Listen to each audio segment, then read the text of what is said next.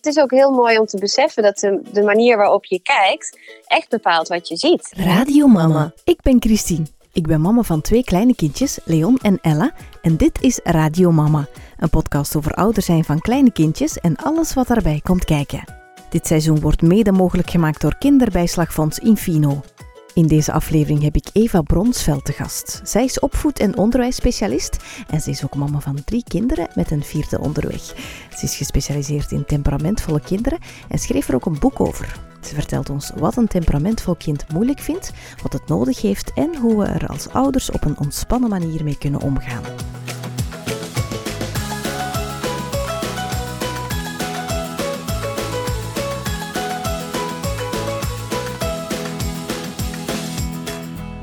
Dag Eva. Goedemorgen. Bedankt dat ik jou mocht bellen voor Radio Mama. Je woont in Nederland, dus we gaan het via Skype eh, doen. Je bent opvoedspecialist. Ja, dat klopt. En je bent gespecialiseerd in temperamentvolle kinderen, hè? Ja, inderdaad. En je bent begonnen, heb ik gelezen, in het onderwijs. Hoe ben, uh, hoe ben je dan in het thema temperamentvolle kinderen gerold? Uh, nou, ik, ik, werkte oorspronkelijk in het onderwijs als uh, onderwijsadviseur. Dus ik gaf trainingen aan leerkrachten. -hmm. voordat ik zelf kinderen kreeg. En toen heb ik altijd gedacht, oh, kinderen en ik, dat is heel makkelijk. Dus dat gaat allemaal wel goed komen. Uh, en toen mijn oudste dochter geboren werd, toen kwam ik er wel achter dat, uh, ja, dat de praktijk iets weer barstiger was. Maar dat zal iedere moeder wel herkennen. Ja. um, maar ik merkte ook wel dat zij echt iets meer nodig had dan andere kinderen. En dat als ik hetzelfde deed als de buurvrouw, dat die van mij toch echt wel anders reageerde. Uh, en toen ben ik me heel erg daarin gaan verdiepen. Dus waarschijnlijk ook net als jij, dat je dan gewoon al die interesses hebt. En toen ben ik aanvullende opleidingen gaan volgen. En uh, zo is het eigenlijk allemaal een beetje ontstaan. Ja, oké. Okay. En hoeveel kinderen heb je zelf? Drie. En de vierde op komst. Oh, proficiat. dat ja, dankjewel. ja. En zijn ze alle drie dan ook temperamentvol? Of? Ja, alle drie wel op een andere manier. Want temperamentvol is ook niet een hokje of een diagnose. Nee. Uh, dus het is echt nee. een beschrijving van kinderen met een aantal eigenschappen. Um, een beetje een karakter, karaktertrek of zo. Ja, ja, het is een karaktertrek. En ze zijn dus bijvoorbeeld heel veel gevoeliger dan gemiddeld. En hebben een heel sterke wil. Mm -hmm. En, maar hoe zich dat dan uit, dat is wel soms verschillend per kind. En ik heb van de jongste heb ik heel lang gedacht, oh, nou, die valt eigenlijk wel mee. Maar toen zij een jaar of twee, drie was, dacht ik, oh, die is misschien wel uh, qua, qua sterke wil de pittigste van de drie. Ja. Uh, dus uh, ja. Ja, want dat is het, inderdaad wel een beetje het gevaar, hè, zo, dat er weer een, een extra etiketje wordt geplakt. Hè? Ja. Uh, en het komt ook zo wel, het, het heeft zo'n beetje een negatieve bijklank, hè? zo temperamentvolle kinderen, dat het zo een beetje als een stoornis lijkt of zo. Ja. Maar dat is het uiteraard niet, hè? Nee, zeker niet. En mijn ervaring is eigenlijk juist wel dat um, het ook heel veel kinderen van een label afhoudt. Dus dat ouders mij bijvoorbeeld mailen en zeggen, goh, school heeft al gezegd, misschien moeten we eens laten onderzoeken. Mm -hmm. uh, en nou heb ik jouw boek gelezen, nou denk ik, ik heb eigenlijk een gewoon kind wat temperamentvol is. Dus het, het blijkt heel vaak juist de andere kant op te werken. Ja. Uh, en het is ook echt geen uh, etiketje. Dus de uitgever van het boek wilde natuurlijk heel graag een lijstje daarin. Van dan kun je even turven als vader of moeder of je erin hebt of niet. Maar daar heb ik echt geweigerd. Ik vind het heel fijn als het gewoon een beschrijving blijft. Ja. Het zijn gewone kinderen. Ja. Het is toch belangrijk om mee te beginnen eigenlijk, hè? inderdaad. Dat het geen, uh, geen stoornis is of, of geen... Negatieve etiketje. Hè? Nee. Um, dus je hebt zelf een aantal boeken geschreven, hè, toch? En temperamentvolle kinderen is daar eentje van? Ja, klopt. Temperamentvolle kinderen is uh, de meest inhoudelijke ook, met de meest, uh, meeste opvoedadviezen, de meeste beschrijving. Mm -hmm. um, ik heb ook een opvoedkalender gemaakt, die is gewoon heel laagdrempelig, met allemaal uh, leuke, korte tips erin. Um, en een boek over samenspelen, wat nou delen over vriendjes maken in zusje pesten. -hmm. um, dus dat heb ik samen met Elsbeth Teling geschreven. En dat gaat vooral ook over de band tussen de kinderen. En wat je er allemaal aan kunt doen om uh, die te versterken. Ja. En om om te gaan met uh, alle ruzies die er natuurlijk ook bij komen. Ja, dat is eigenlijk ook nog een extra podcast waard. Hè? nou, ja. ja. daar kan je nog heel wat over zeggen inderdaad. Ja, ja, ja. En uh, de ondertitel van het boek over temperamentvolle kinderen is um, Zo geef je het beste aan gevoelige, intense kinderen met een sterke wil. Ja. Dus uh, als ik het goed begrijp, um, neem je dan een beetje gevoeligheid en temperament samen? Ja, het is het, de, de vier eigenschappen waar ik het over heb zijn gevoeligheid, opmerkzaamheid, intensiteit en een sterke wil. Ja. Dus het zijn kinderen die ehm, eigenlijk alles veel intenser ervaren en bij wie alles van buitenaf gewoon wat harder binnenkomt. Ehm, eh, die ook alles in de gaten hebben, die het verschil vaak kunnen proeven tussen twee merken appelsap, bij wijze van. Uh, kriebelende naadjes in de sokken, ze hebben alles door. En dat combineren met een heel sterke eigen wil. Dus ze willen zelf bepalen, zelf kiezen, zelf ontdekken, zelf doen. Ja. Ehm, en dat zijn eigenlijk prachtige eigenschappen. waar je heel ver mee kan komen en die voor heel veel moois kunnen zorgen. Maar ja, als je om tien over acht s ochtends de deur uit wil en je kind is volledig overstuur omdat hij zijn schoenen niet kan vinden. Ehm, en dan per se geen andere aan wil, dan kan je je wel eens achter je oren krabben. Ja, ja, ja. ja. Er is ook heel veel uh, te doen rond hooggevoeligheid bij kinderen hè, momenteel. Ja. Maar uh, het is niet zo dan dat hooggevoelige kinderen automatisch temperamentvol zijn en temperamentvolle kinderen automatisch ook hooggevoelig? Of zit daar toch een verband? Nou, het, ja, daar zit zeker een verband. Maar dat is ook weer um, waar ik het net over had. Wat mij betreft kun je kinderen niet zo in een uh, hokje stoppen. Dus wat ik gedaan heb, is een boek geschreven um, over hoe je als ouder kunt omgaan met kinderen die uh, deze eigenschappen hebben. En als jij een kind hebt wat heel gevoelig uh, is, dat is natuurlijk hetzelfde als hooggevoeligheid. dus daar zit zeker overlap in.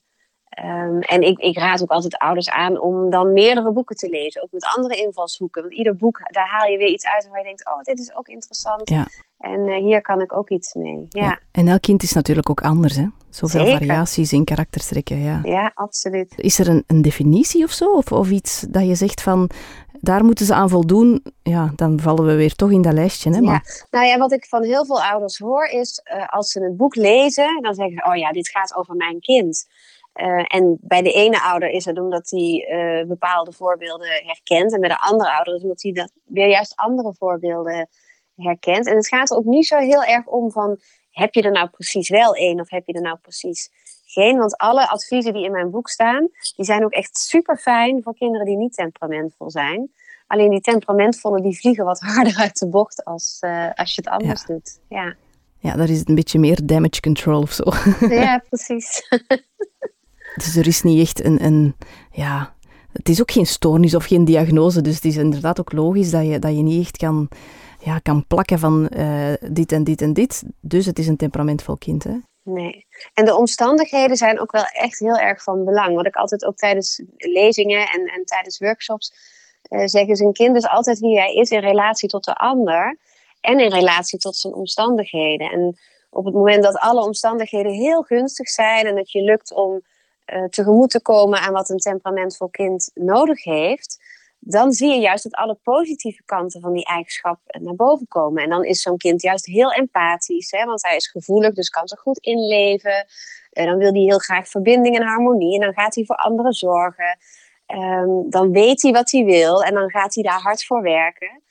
Um, alleen als de omstandigheden ongunstig zijn, dan gaat zo'n kind overprikkeld raken. Uh, of dan wordt hij juist, gaat hij heel erg de kont tegen de krip gooien, wordt hij heel uh, koppig. Uh, en dan komt die lastige kant van die eigenschappen bovendrijven. Ja, want dat is zo de connotatie inderdaad dat het een beetje heeft. Hè? Zo een temperamentvol kind, een kind dat koppig is en niet luistert en altijd dwars ligt. Ja, dat komt daar wel vaak bij kijken. En uh, sommige temperamentvolle kinderen zijn vooral heel gevoelig en een beetje meer dan gemiddeld uh, koppig, zeg maar. En sommige kinderen die hebben juist een heel sterke eigen wil. en dat uit zich vaak in, in veel confrontaties. En ook dan is het weer heel erg afhankelijk van hoe je daar als ouder mee omgaat of als professional. Uh, want een, temperamentvol kind reageert bijvoorbeeld heel slecht op het woordje moeten. Um, en ben jij een ouder die de hele dag door zeg maar, opdrachten geeft? Of, of, werk je als leerkracht veel met je moet dit doen en je moet dat doen en nu gaan we. Uh, en er is weinig ruimte voor een kind, dan zal een temperamentvol kind daar wel zeker tegen in opstand komen. Ja. Ja, en dan is het een beetje een vicieuze cirkel waar je in terecht komt. Zeker. En wat dan vooral ook meespeelt, is uh, ook weer die gevoeligheid. Want die zorgt er dan voor dat dat kind het ook heel ingewikkeld vindt. Want aan de ene kant wil hij gewoon zelf bepalen. En gaat hij, ja, lukt het hem eigenlijk niet om gewoon altijd te voegen naar wat anderen willen. Aan de andere kant, door zijn gevoeligheid wil hij heel graag dat, dat het allemaal fijn is en dat iedereen blij met hem is en dat er verbinding is. Um, en die innerlijke tweestrijd, die zorgt ook wel vaak voor uh, allerlei spanning bij een temperamentvol kind. Want die voelt ook wel aan, hé, hey, de juf die is nu eigenlijk geïrriteerd. Maar het lukt me maar niet om gewoon uh, mee te werken, want die sterke wil zit in de weg. Dus dat is heel lastig. Ja. En een gevoelig kantje gaat er dan wellicht ook voor zorgen dat ze dat dan overdenken. Ja. En dat ze daar dan eigenlijk ook over wakker liggen en zich dan anders gaan gedragen dan dat ze zich, uh, omdat ze zich dan willen eigenlijk aanpassen, omdat ze willen graag gezien worden. Ja, absoluut. En dan zie je soms ook dat kinderen bijvoorbeeld uh, op school of bij het kinderdagverblijf of bij opa en oma heel voorbeeldig gedrag vertonen. Uh, want dan zijn ze zo bang voor afwijzing en dan willen ze zo graag het allemaal goed doen. En door hun opmerkzaamheid weten ze vaak ook heel goed wat er verwacht wordt. Um, kunnen ze ook vaak aanvoelen wat niet wordt uitgesproken, maar wat wel aan verwachtingen er is. En dan lopen ze eigenlijk een beetje de hele dag uh, op hun tenen en dan komen ze thuis en dan barst daar de bom. Want ja. dan zijn ze zo overprikkeld door alles. En dan komt het eruit. Ja. ja, en dan denk je als ouder, ik doe iets verkeerd. Want ik ben de enige waar dat hij bij ontploft. Ja, en dan heb je ook nog wel vaak dat als, dat dan, als die ontploffing nog gebeurt, waar bijvoorbeeld opa en oma nog bij zijn, of waar uh, de juf nog bij zijn, dat ouders dan vaak iets te horen krijgen als, nou hij is de hele dag echt zo lief geweest, pas toen jij binnenkwam. Ja, ja daar kun je heel onzeker van worden. Maar het is dus eigenlijk helemaal niet nodig, want het is ook een heel mooi uh, compliment aan jou als ouder, van hier voel ik me zo veilig en ik weet dat jij van mij blijft houden, ook al laat ik ook mijn, mijn nare kant zien. Uh, dus eigenlijk heel mooi dat ze dat thuis wel doen. Ja. Ook al is het heel lastig. Ja, ja, dat is zo. Hè. Dat is ook een klik die ik, die ik in mijn hoofd heb gemaakt. Van, uh, ik, ik, lig daar, ik probeer daar niet meer van wakker te liggen, omdat inderdaad, ze voelen zich veilig thuis. En dan is het ook logisch dat ze daar eigenlijk hun emoties eruit laten. Hè? Ja, absoluut. Wat zijn zo nog dingen um, die een temperamentvol kind um, moeilijker vindt dan een uh, kind dat iets uh, lager temperament heeft? Nou, er zijn uh, verschillende categorieën, noem ik het wel eens. ik vergelijk het zelf ook wel eens um, met een, een, emmer. Hè? Dus zo'n kindje, zo'n temperamentvol kind heeft een emmer. En daar komen de hele dag allemaal druppels in. en die druppels zijn dan allemaal dingen die een temperamentvol kind moeilijker vindt. Het eerste is gewoon prikkels van buitenaf. Dus harde geluiden, felle lichten. Uh, maar ook uh, als uh, de juf bijvoorbeeld boos is op een ander kind, dus niet eens op het temperamentvolle kind zelf, dan kan dat, is dat ook al een grote druppel in een temperamentvol kind. Of als je op een verjaardag komt en je voelt dat er allemaal verwachtingen zijn, dat voelt een temperamentvol kind ook aan. Um, of kriebelende naadjes in de sokken, dat soort dingen. Een tweede categorie zijn overgangen. Dus de overgang van het een naar het ander. Dat vinden ze heel lastig. En dat vinden ze voor een deel lastig, um, omdat ze soms heel moeilijk kunnen schakelen. Want ze zijn zelf heel lekker bijvoorbeeld met een toren aan het bouwen. En dan is het tijd om te eten. Nou, daar hebben ze vaak echt wel een beetje onze hulp bij nodig. Um, en overgangen zijn voor een temperamentvol kind ook vaak uh, wat prikkelgevoeliger. Want zo'n overgang is wat drukker. En soms zijn we dan als ouders gehaast en uh, gaan we een beetje nog zo praten. Of misschien wat vaker zeggen, schiet eens op.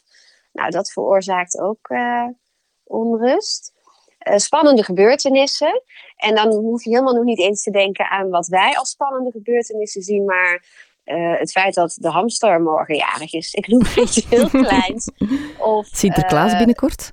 Oh ja, het, het, echt in, in begin november begint altijd mijn mailbox al vol te stromen. En ik krijg nou iedere dag heel veel vragen van, uh, van ouders. Van, het, is, het is gewoon op dit moment uh, nog veel heftiger dan ja, anders. Dus ze vinden het spannender en daarom ja. gaan ze eigenlijk ook um, ja, meer emoties hebben of zo en, en daarom ook lastiger gedrag vertonen? Ja, en, je, en kijk, zeker die jonge kinderen, die kunnen dat niet zeggen. Dus die, die hebben zelf niet zo door wat er aan de hand is. Dus die zullen niet tegen jou zeggen: Goh, papa of mama, ik vind het zo spannend dat Sinterklaas uh, morgen komt en dat ik mijn schoen mag zetten. En waar komt die Sinterklaas, hè, waar komt die Piet dan naar binnen? En dat zijn allemaal vragen die ze hebben. Maar in plaats daarvan gooit zo'n kind dan zijn schoen door de, ja. door de kamer. En dat jij denkt: waar komt dit nou vandaan? Ja, ja, ja. ja. Um, en daarnaast zijn er nog uh, twee categorieën. En eentje die, uh, ja, wel, waar ze echt heel veel moeite mee hebben, is macht. Dus, um, ja, autoriteit. Autoriteit. En dat wil helemaal niet zeggen dat ze niet willen meewerken. Want als zij zelf vinden dat het logisch is of dat het nodig is, of als ze het nut ervan inzien, dan willen ze juist vaak heel goed meewerken. Of omdat ze jou heel lief vinden, dan willen ze jou graag een plezier doen. Dus er zijn heel veel manieren te bedenken om een temperamentvol kind mee te laten werken. Maar omdat het moet, dat is echt de slechtst mogelijke reden. Ja. Zodra er echt contact is tussen jou en een temperamentvol kind en die verbinding helemaal goed is, en je gaat dan eigenlijk zonder autoriteit zeggen: Goh, ik zou het fijn vinden als. Of uh, het is nu tijd om. Als je dat dan heel vriendelijk zegt, zijn ze vaak veel gemotiveerder. Uh, En dan lijkt het eigenlijk allemaal heel vanzelf te gaan. Um, dan worden ze misschien ook minder bestempeld als temperamentvol. Uh, hevig kind, hè? omdat ze dan eigenlijk uit die vicieuze cirkel geraken. Absoluut, ja. Want het is niet zo dat een temperamentvol kind per definitie lastig gedrag zou moeten vertonen. Dat is echt in samenhang met uh, hoe de omstandigheden zijn. En ik maak heel vaak mee dat ik, ik begeleid ook kinderen in het onderwijs. Uh, en het ik denk dat iedereen dat ook wel herkent, dat een kind bij de ene leerkracht heel goed gedijt. En dat zo'n leerkracht zegt, nou dat loopt allemaal lekker. En het jaar daarna loopt zo'n kind helemaal vast. Dat gaat dan niet om het kind alleen of om de leerkracht alleen. Dat gaat gewoon ook om de interactie tussen de twee. Ja. Ah ja, oké. Ja. Zijn er nog dingen um, die we vergeten zijn? Of zijn dat zo de belangrijkste dingen die een temperamentvol kind uh, moeilijk vindt? Ik denk dat dat wel de belangrijkste zijn. Ik zit nou wel even te denken, ik heb al zoveel gezegd, dat ik me afvraag... Afwijzing? Uh, afwijzing, ja, die hebben we nog niet gehad inderdaad. Ja, die is, uh, vinden ze heel ingewikkeld. Omdat ze uh, zo graag in verbinding blijven en heel erg behoefte hebben aan harmonie. Um, kunnen ze zich veel sneller ook uh, afgewezen worden voelen. Ook omdat ze zo gevoelig zijn uh, voor signalen. Ze zijn heel opmerkzaam.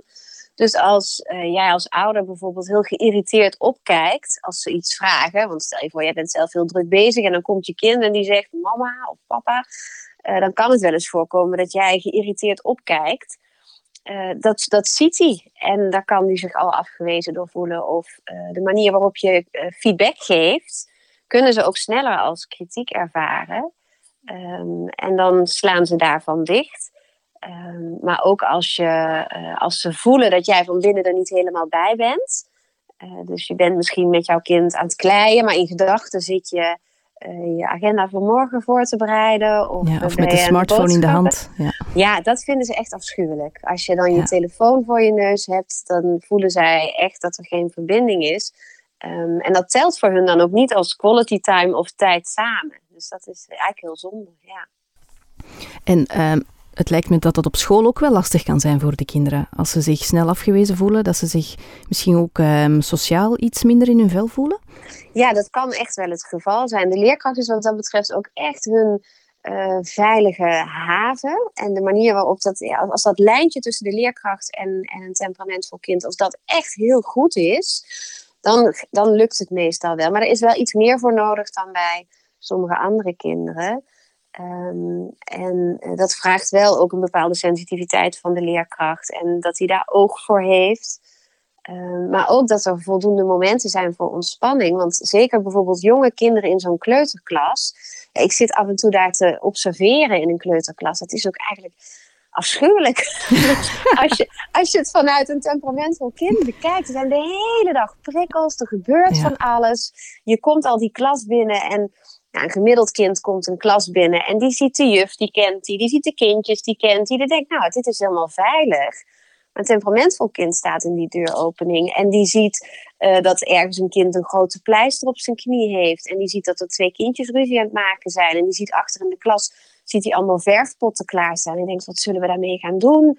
En dan ziet hij dat op het planbord dingen net een beetje anders hangen dan de juf gisteren verteld heeft. En hij ziet de juf met opgetrokken wenkbrauwen naar uh, een kind kijken. Nou, dan moet je de klas nog in. Ja. Uh, zo gaat dat heel de dag door natuurlijk. En zijn ze al helemaal overprikkeld. En dan zwijgen we nog over de speelplaats. ja, dat is een soort jungle is dat. Uh, en dan zie je soms dat, dat kinderen ook echt bij de leerkracht blijven hangen. Ja. Uh, omdat ze daar hun veiligheid zoeken. Want het is gewoon te groot en te veel. En sommige leerkrachten die begeleiden dat heel fijn. En sommigen zeggen, nou ga maar spelen. Ja. En dan voelt zo'n kind zich en afgewezen. Want de juf die, die maakt heel duidelijk, ik wil jou hier niet hebben. Uh, en hij moet dus ja, gewoon iets gaan doen wat eigenlijk te ingewikkeld is. Ja. je hebt echt zoveel fantastische juffen. En die kunnen zo ontzettend veel verschil maken in het, uh, in het leven van een temperamentvol kind. Want dan heeft zo'n kind gewoon op school ook um, dat de omstandigheden goed zijn, dat hij zich veilig voelt. En dan kan een temperamentvol kind ook uh, gaan ontwikkelen. En dan kan die ook leren. Um, en dan kunnen juist de positieve kanten van die eigenschappen naar boven komen. Um, terwijl als zo'n kind het op school heel moeilijk heeft, dan komt hij thuis met een, een volle emmer. Um, en de dag erna moet hij weer terug naar die school. En dan kan je echt wel in een neerwaartse spiraal terechtkomen. Ik las uh, in jouw boek ook, en dat heeft me echt geholpen, dat het helpt om bepaalde eigenschappen ook um, positiever te verwoorden voor, naar jezelf toe. Ja. bijvoorbeeld, hij is heel koppig. Hij is heel vastberaden, standvastig, onverstoorbaar. Ja. En ik vind dat dat echt, dat, dat helpt mij echt. Ja. Omdat je dan automatisch minder geïrriteerd bent. Zeker. En het is ook heel mooi om te beseffen dat de, de manier waarop je kijkt echt bepaalt wat je ziet. Ja. Um, dus op het moment, dat is hetzelfde als toen je bijvoorbeeld zelf zwanger was. Opeens zag je overal zwangere vrouwen. Terwijl je ze van tevoren nooit zag. Dus is omdat je daar dan zelf je aandacht op vestigt. En ja, alles wat je aandacht geeft, groeit. Dus eh, heb jij het idee van, oh, mijn kind is zo koppig. Iedere keer dat jouw kind dan zegt, nee, ik doe het niet, denk je, zie nou wel, koppig kind. Terwijl als je denkt, goh, hij weet goed wat hij wil, dan zal die, die nee van jouw kind uh, jou minder irriteren. En dan zul je iets zeggen als, nou, fijn dat je zo duidelijk aangeeft wat je wil. En dan ga je vervolgens uitleggen waarom jij het wel wil. Of dan uh, hè, bedenk je iets. Maar die irritatie wordt echt minder. En ik, ik merk wel dat dat gewoon in de praktijk toch heel moeilijk is. Want uh, het, daagt je als ouder vaak wel uit. Hè? Dat je iedere keer die positieve kant moet bekijken. Maar je hoort soms ook wel uit je omgeving reacties uh, van mensen die zeggen... nou, geef mij maar een weekje. Uh, en dan zal die zich wel anders gedragen. Of die van mij doen dat nooit, want... Hè, Bij mij zou het niet waar zijn.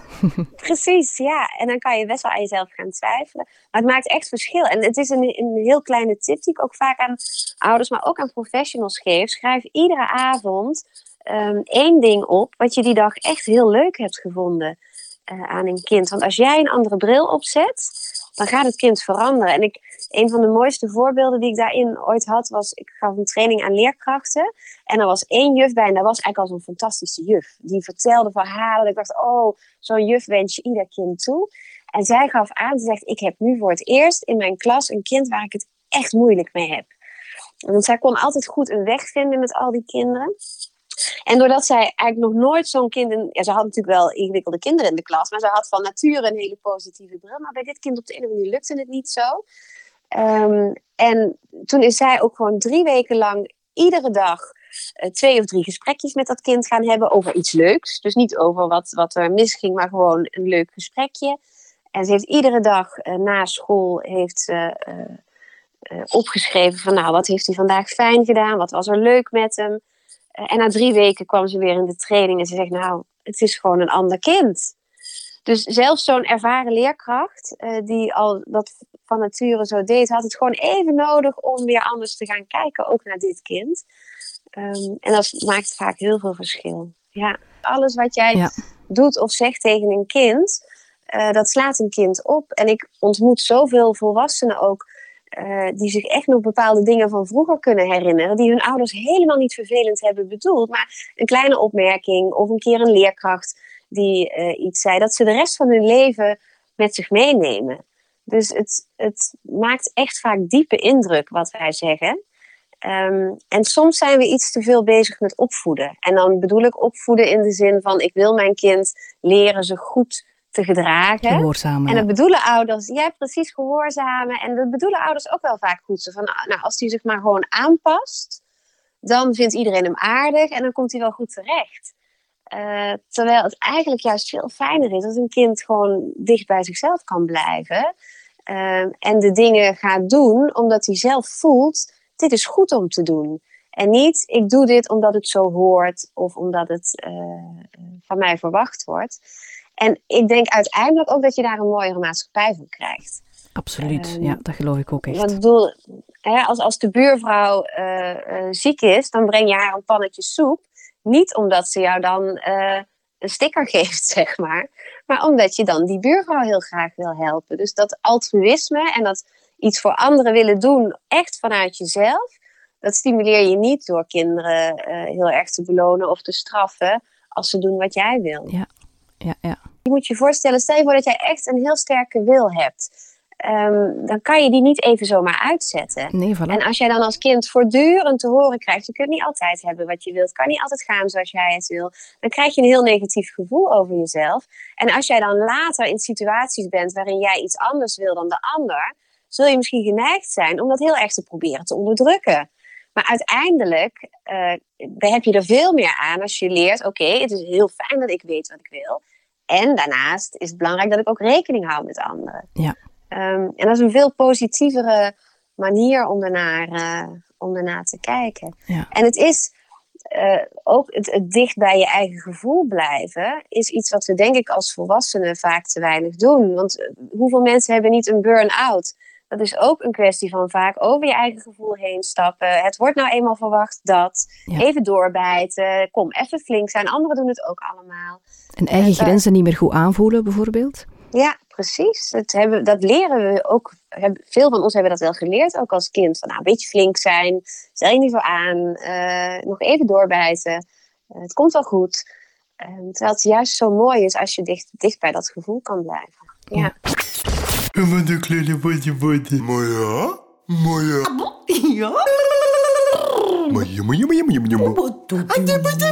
Spreek jij deze taal ook? Mama's en papa's kennen ze als geen ander. En Kinderbijslagfonds Infino. Want Infino wil jouw kind en jouw gezin een handje helpen, zodat jullie samen in het leven kunnen groeien en je kind zijn eigen plek in de samenleving kan vinden. En daarvoor moeten we natuurlijk dezelfde taal spreken. Op infino.be. Infino. Samen groeien. Ik denk dat veel ouders uh, vandaag de dag nog altijd wel het advies krijgen van... Uh, um, ja, het is een hoog temperament, dus die, daar moet, die moeten kort houden. Ja. Die, uh, die moeten echt wel leren dat jij de baas zei. Ja. Uh, want anders gaan ze helemaal overheen lopen. Hè? Dat is toch volgens mij echt het advies dat heel veel ouders nog mee rond hun oren geslagen worden. Hè? Ja, nou wel steeds minder. Want ik, ik doe dit werk nu twaalf jaar. En als ik twaalf jaar geleden zo'n lezing gaf... dan was ik soms echt wel in zo'n zaal met ouders... dat ze zoiets hadden van, Ja. wat? ze moeten toch gewoon doen wat ik zeg? Uh, en dat is nu niet meer zo. Nu Oké, dat is wel echt, fijn, ja. Zeker weten. Het is echt een enorme verschuiving gaande.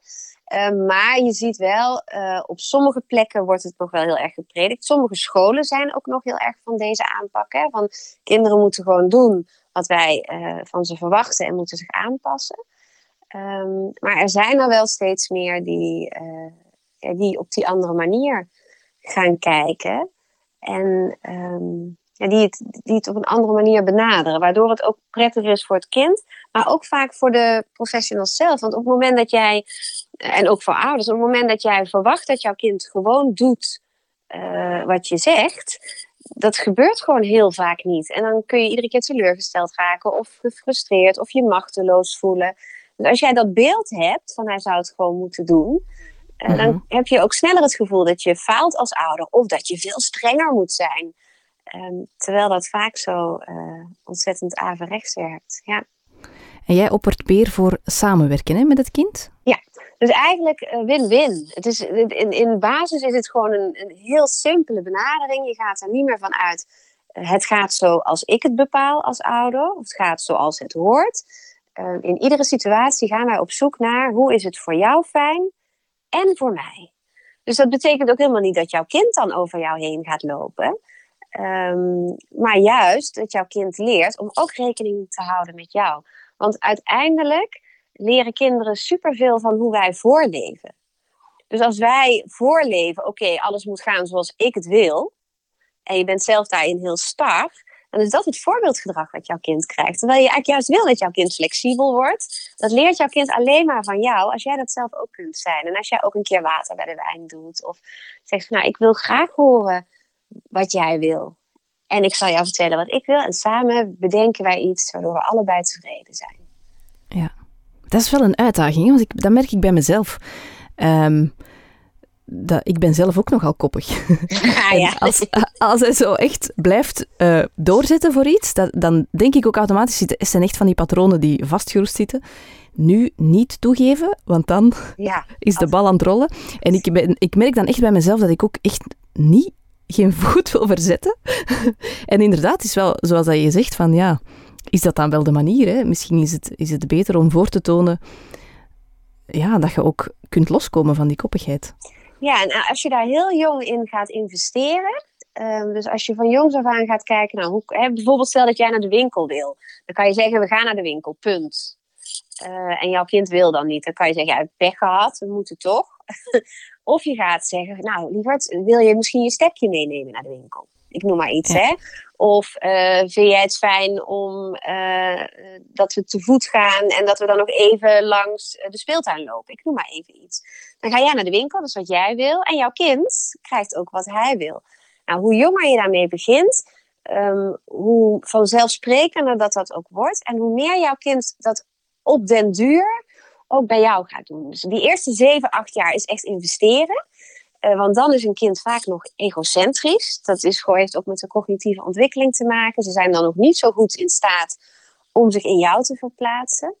Uh, maar als jij dat van jongs af aan heel erg voorleeft, dan ga je dat terugzien. Ik heb nou een, een, een puber van bijna 14 en ik heb een, een, een zoon van, uh, van bijna 12. en zij doen dat uit zichzelf. Wij hebben nooit conflicten over jij moet nu doen wat ik wil. Of, of gewoon dat ze er tegenin gaan om er tegenin te gaan. Er zijn wel eens dingen die zij willen waarvan ik denk, nou, misschien niet zo handig. En hebben we daar een gesprek over en we komen daar altijd samen uit. Uh, omdat we dat van jongs af aan zo gedaan hebben. Ja, zo'n beetje onderhandelen eigenlijk. Ja, dat is toch weer net anders. um, want, uh, en dat is misschien een, een subtiel verschil, maar onderhandelen gaat een beetje over ik wil iets en uh, dat wil ik zo goed mogelijk voor mezelf onderhandelen. En jij wil ook iets en dat wil je voor jou zo goed mogelijk onderhandelen. En samenwerken gaat echt over, ik wil het niet alleen voor mij fijn hebben, ik wil ook dat het voor jou fijn is. Ja. En dat is bij onderhandelen natuurlijk eigenlijk niet zo. Als jij een huis gaat kopen, dan wil jij het graag zo goedkoop mogelijk. En dan ben je niet bezig met, uh, houdt die ander genoeg eraan over? Dat vind je dan niet ja. zo belangrijk. Dus dat is wel een verschil. Ja. Toch nog een verschil, ja. Ik uh, merk bijvoorbeeld bij mijn zoontje, als ik uh, gehaast ben, als hij bijvoorbeeld s morgens naar school wil, maar hij wil nog tekenen, dan uh, werkt het gewoon niet om te zeggen, nee, we gaan nu stoppen met tekenen, want we moeten echt vertrekken. En dan, dan heeft uitleggen waarom niet voldoende um, effect. En dan zeg ik wel vaak van, oké, okay, je mag nog twee dingetjes tekenen, ja. en dan gaan we vertrekken bijvoorbeeld. En dan, is, dan zegt hij direct, oké. Okay. En dan is dat eigenlijk van de baan. Ja. Dus, maar dat is misschien niet onderhandelen dan? Of... Nee, ja, dat, bedoel, uiteindelijk gaat het natuurlijk ook niet in iedere situatie precies over wat doe je of wat ja, zeg ja, je. Het gaat ook echt om, want wat jij op dat moment doet, is je eigenlijk een beetje verplaatsen in hem. En hij wil nog heel even aftekenen en dan kun je hem die ruimte. Um, wat jij ook aangeeft, het uitleggen waarom, dat werkt bij heel jonge kinderen vaak nog niet zo goed. Want ja, ze, dat, dat snappen ze nog niet helemaal, of ze snappen het wel, maar ze hebben er geen boodschap aan. Uh, en bij jongere kinderen adviseer ik heel vaak om of keuzes te geven. Ja. Uh, dus wil, je uh, nog heel even afmaken of ehm, wil je dat we hem klaarleggen dat je er vanmiddag mee verder kan? Ik denk maar even snel iets. Um, of met humor. Ja, um, met spel. Humor werkt met ja. spel. Ja, dat je in zo'n rollenspel, dat jij dan klaar staat en je zegt, nou, ik uh, ben Batman. De Batmobiel staat al uh, buiten. Uh, volgens mij is het Robin, toch? Het hulpje van Batman. Robin, hoe ver ben jij nou? Weet je, ik noem maar even iets. Lachen helpt Of dat je altijd, een, ja. een lachen helpt. Of dat je een liedje gaat zingen. dat helpt ook voor jezelf om de irritatie eruit te halen. Want als je zegt, kom, schiet op. dadelijk komen we te laat. Dat roept bij jezelf ook extra irritatie op of onrust. Terwijl als je dat zingen doet schiet eens op, we moeten gaan. nou, dan klinkt het opeens heel vriendelijk, terwijl je nog echt dezelfde woorden gebruikt. Ja, um, dus dat een hele sfeer verandert. Ja, ja, ja. Heel de sfeer verandert, ja. Nou, en, en die, die sfeer, dat is wel heel belangrijk om te weten. Uh, omdat temperamentvolle kinderen zo gevoelig zijn, uh, bewegen ze ook sneller mee op de sfeer van anderen. Dus als het jou lukt om die sfeer heel luchtig en fijn en positief te houden, dan gaat jouw kind daar ook sneller op mee. Ehm, en als jij in zo'n sfeer zit van ah, stress, toestanden, waarom luister je niet, ik heb eh, dat, dan gaat jouw kind daarop mee resoneren. Ja. ja. Eigenlijk moeten we ze misschien gewoon een beetje meer behandelen zoals we volwassenen behandelen. Maar dan wel ook wel mee leiding geven natuurlijk, hè? want ze moeten wel leiding krijgen, hè? toch? Ja, leiding en dan inderdaad zo'n zo'n vanzelfsprekende leiding. Ehm, waar je zelf ook gelooft. En ook dat doe je. Ik, ik werk bijvoorbeeld als trainer. Dus als ik een training geef, dan gaan wij soms een opdracht doen. Nou, ik heb die opdracht bedacht. We gaan die doen zoals ik hem uh, voorschrijf op dat moment. Dan neem ik heel duidelijk de leiding. Uh, merk ik dan in zo'n groep dat iemand weerstand heeft tegen die opdracht, of dat iemand het er niet mee eens is, dan ga ik niet doorstomen. Ga ik niet zeggen, ja, we gaan het toch doen. Dan ga ik eerst op die weerstand in, dan gaan we daar met elkaar even over in gesprek. En vervolgens ga ik weer terug naar de taak. Oké, laten we nu weer teruggaan naar. En dan kun je dus wel leiding nemen um, zonder uit verbinding te raken. En ja, heel vaak gaat het daar in mijn trainingen ook over. Hoe kan je um, leiding geven? Hoe kan je dus bij de taak blijven, bij datgene wat er moet gebeuren? Um, en tegelijkertijd in verbinding blijven, een goede relatie uh, onderhouden. En als dat lukt, dan willen ze jou ook heel graag volgen. Ja, dat heb ik zelf ook al ondervonden, inderdaad. Ja, het gaat ook om, je, om in jezelf geloven. Je ziet wel eens ouders bijvoorbeeld bij de speeltuin en dan is het tijd om te vertrekken. En dan zeggen ze, nou, over vijf minuten gaan we. Hè, lieverd? Weet je wel, dan gaat, wordt hij al vragend. Um, en dan tegen de tijd dat het zover is, zeg nou, als je nu niet komt, dan.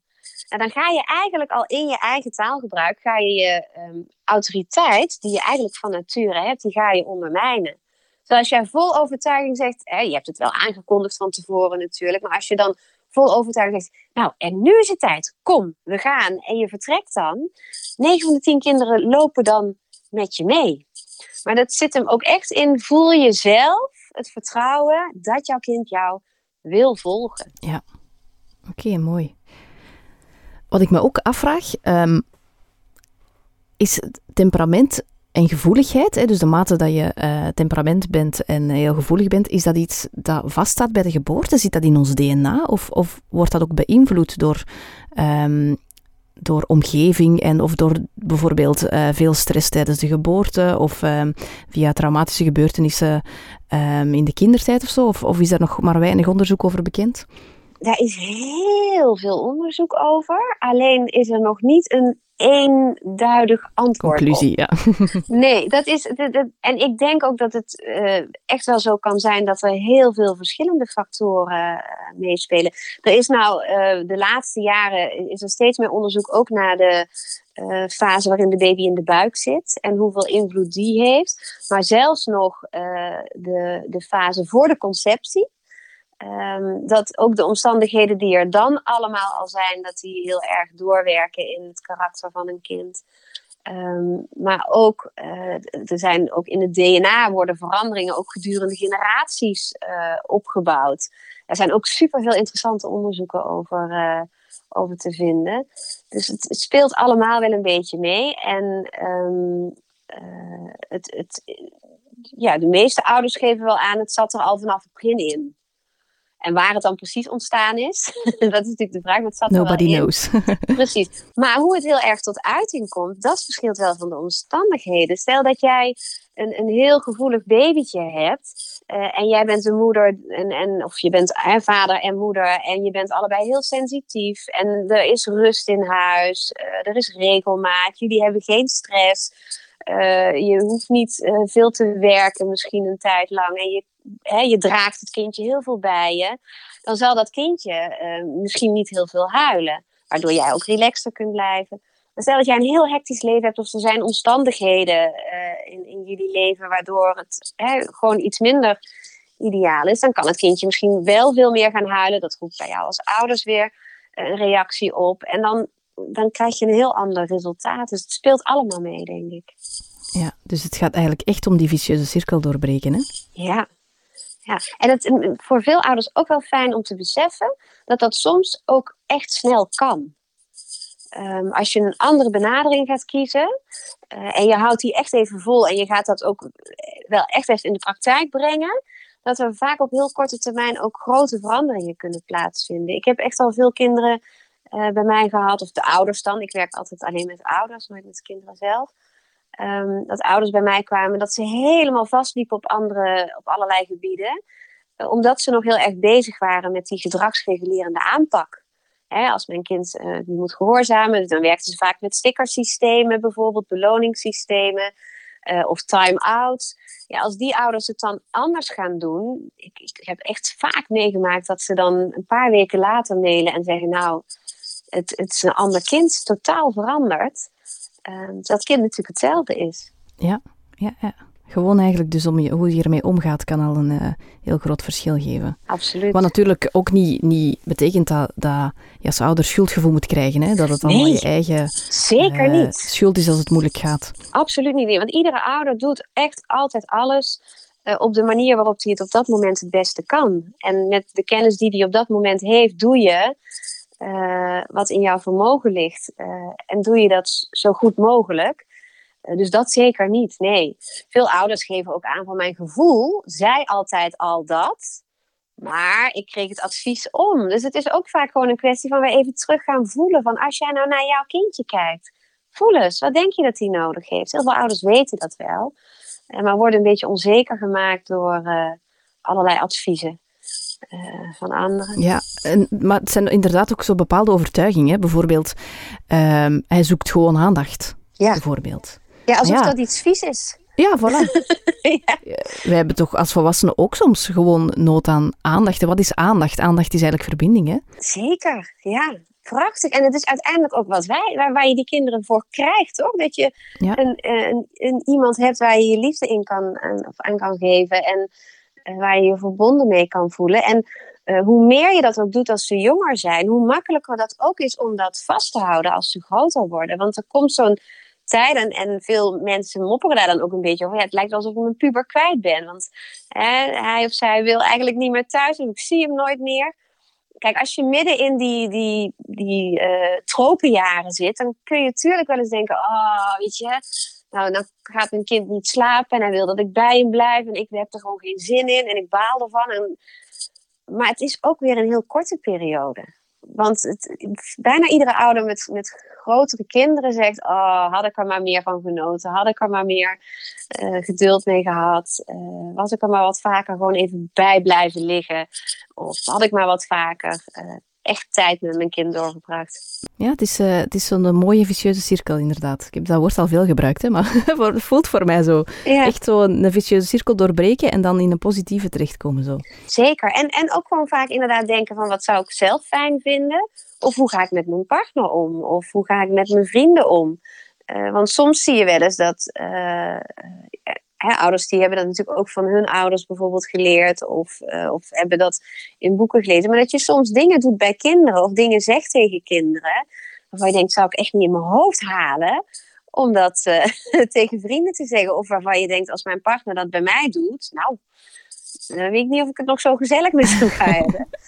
Uh, dus dat verplaats je ook gewoon echt in, in je kind. En probeer eens te bedenken, wat zou ik dan fijn vinden op zo'n moment? En wat zou mij helpen? Um, en er dan ook vertrouwen in te hebben dat jouw kind er niet op uit is om misbruik van jou te maken. Ja, en jouw kind is er misschien. Ja.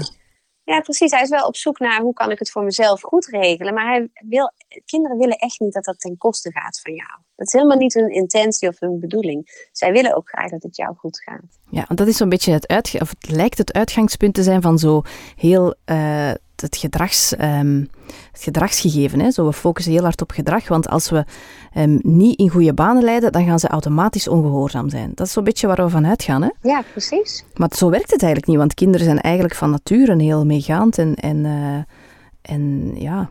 Ja, gehoorzaam, zeg maar. ja, nou dat misschien dan niet helemaal. En, en meegaand of gehoorzaam niet, maar kinderen zijn er van nature wel heel erg op uit om het uh, voor jou ook fijn te maken. En dat ja. herkent denk ik ook iedere ouder. Al die momenten dat jouw kind dan iets doet uh, en dan jouw kant op kijkt van, hè, papa, mama, vind je me nou heel lief? Of ze zijn voortdurend op zoek naar bevestiging en erkenning en liefde van jou. Uh, en hoe meer dat je dat geeft, hoe makkelijker ze er ook een keer voor openstaan uh, als jij wel feedback geeft. Want dan denken ze, hé, hey, papa, mama heeft het beste met mij voor. Dus als zij aangeven dat, is het misschien wel slim om daarna te luisteren. Ja. In plaats van dat ze bang zijn om niet naar je te luisteren. Of dat ze denken, ik luister, want anders krijg ik straf. Of uh, ik luister, uh, want dan krijg ik een sticker. Mm um, de kunst is om ze naar je te willen laten luisteren. In plaats van ze te verplichten om naar jou te luisteren. Ja, en dat ze begrijpen waarom. Ja. Ja, oké. Okay. Zijn er zo nog um, um, praktische tips waar je aan denkt die je nog zeker wil meegeven? Ja, boek staat er vol van, hè? Het is ja, echt een heel, heel, heel praktisch toepasbaar. En echt een goed boek, vind ik. Nou, heel fijn om te horen. Ja, daar heb ik ook wel gedacht. Ik denk, uiteindelijk wil je... Uh, kijk, wat Alfico natuurlijk fantastisch in zijn boek doet, is heel die visie uitleggen en met heel veel wetenschappelijk uh, bewijs ook aantonen van dit werkt ook inderdaad zo. Uh, dus dat raadple- heb ik heel veel geraadpleegd, ook fantastisch boek. En daarnaast willen ouders gewoon soms ook weten: oké, ik wil heel graag volgens die visie, maar als ik nou s ochtends in zo'n zo'n strijd verwikkeld ben met mijn kind, hoe kom ik daar dan uit? Of wat kan ik dan doen om het, om, om het ja, toch ten goede te keren? Dus ik heb ook in mijn boek vooral voor die aanpak uh, gekozen. Um, ja, en, en wat zijn dan de tips? Het zijn er zoveel. ja. Als je, stel dat je er twee, um, maar twee zou mogen geven. Ja. De twee belangrijkste die voor, voor jouw eigen gezin bijvoorbeeld gewerkt hebben? Uh, nou, ik vind de allerbelangrijkste vind ik echt wel zoek zoveel mogelijk verbinding. En laat je kind uh, vooral merken dat je blij bent dat hij er is. Zonder dat hij daar iets speciaals voor hoeft te doen. Dus in alles wat je doet, um, maak contact. Uh, en, en maak ook altijd eerst contact met je kind. Dus als jouw kind binnenkomt, zorg eerst voor een grote glimlach en heel fijn dat je er bent. En daarna kan je misschien iets zeggen over die modderschoenen waar die de, kamer mee door is gebanjerd. Um, dus, dus dat stukje, echt veel verbinding zoeken. Um, en misschien is het tweede belangrijke wel uh, veel humor. En lachen ook een beetje om jezelf. Het niet te serieus nemen. Uh, je kind niet zozeer als een project zien. Uh, dan van, goh, ik, ik moet er van alles in stoppen en ik moet hem van alles bijbrengen. Um, maar er gewoon op vertrouwen dat als jij heel veel plezier en, en verbinding hebt met jouw kind, uh, dat jouw kind uh, opgroeit en uh, vooral kijkt naar wat jij voorleeft. Ik denk dat dat ook wel een heel belangrijke is. Ja, oké, okay, super. Jouw boek heet Temperamentvolle kinderen, dat is de titel. Ja. En het is al een tijdje uit, hè? Ja, vijf jaar al. Toch, Vijf jaar, ja. ja. Dat kunnen mensen overal vinden. Um, en jij geeft ook workshops en lezingen, maar vooral in Nederland dan? Of ook in België? Ik geef ook wel in, in België geef ik ook wel lezingen voor uh, scholen, kinderdagverblijf. Volgende week donderdag ben ik voor een groot schoolbestuur uh, ook weer in België. Um, maar ik ben op dit moment vooral bezig met het ontwikkelen van een uh, trainde trainer voor ja, professionals. Voor professionals, ja. Ja, zodat, want ik, ik krijg zoveel aanvragen voor cursussen, dat kan ik allemaal niet meer alleen doen. En dan ga ik professionals opleiden om cursussen aan ouders, leerkrachten en kinderdagverblijven te geven. Maar dat is een groot project, dus daar ben ik echt nu een jaar lang heel erg in aan het investeren. dus vanaf volgend jaar komt die trainer trainer dan. En over twee jaar zijn er overal cursussen over temperamentvol, temperamentvolle kinderen. Ja, ja. oké. Okay. Ik denk dat het wel nodig is, hè? Dat, dat we het toch wel goed kunnen gebruiken. Hè? Om er op een andere manier naar te kijken en om het eigenlijk allemaal een beetje positiever te zien ja. en ook aan te pakken. Ja, absoluut. Veel behoefte aan, veel vraag naar ook. En, uh, en het is ook super leuk om te doen, want uiteindelijk wil iedere professional en iedere ouder wil het ook gewoon op een fijne manier voor die kinderen. Um, en als je dan gewoon praktische handvatten krijgt en je gaat daar echt mee oefenen, dan, uh, dan lukt dat ook. Ja. ja. Waar kunnen mensen jou vinden? Heb jij een website? Temperamentvollekinderen.nl Oké, okay, zit je ook op Instagram? Ik zit ook op Instagram, maar dat doe ik niet zo heel veel. Maar daar zit ik wel op. Misschien moet ik daar iets meer, uh, meer gaan doen. Ja, ik heb geen idee ook hoe ik daar heet. Ik denk gewoon even, ik denk gewoon Eva Bronsveld. Oké, okay. ja. mensen weten je sowieso wel te vinden. Ja, precies. Oké, okay, super. Dan wil ik je heel erg bedanken voor het, uh, voor het uh, boeiende gesprek. Nou, heel graag gedaan. Dank je wel dat ik mocht komen.